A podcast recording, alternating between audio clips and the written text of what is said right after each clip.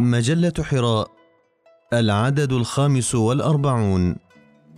الموازين بقلم الأستاذ فتح الله جلن.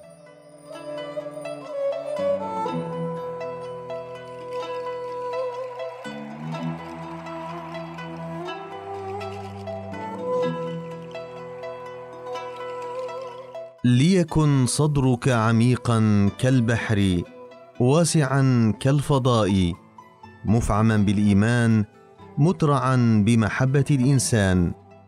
بيدك الحانية امسح قلوب الحزانا وكن بلسما وعزاء لجراحات النفوس وأوجاع الأرواح.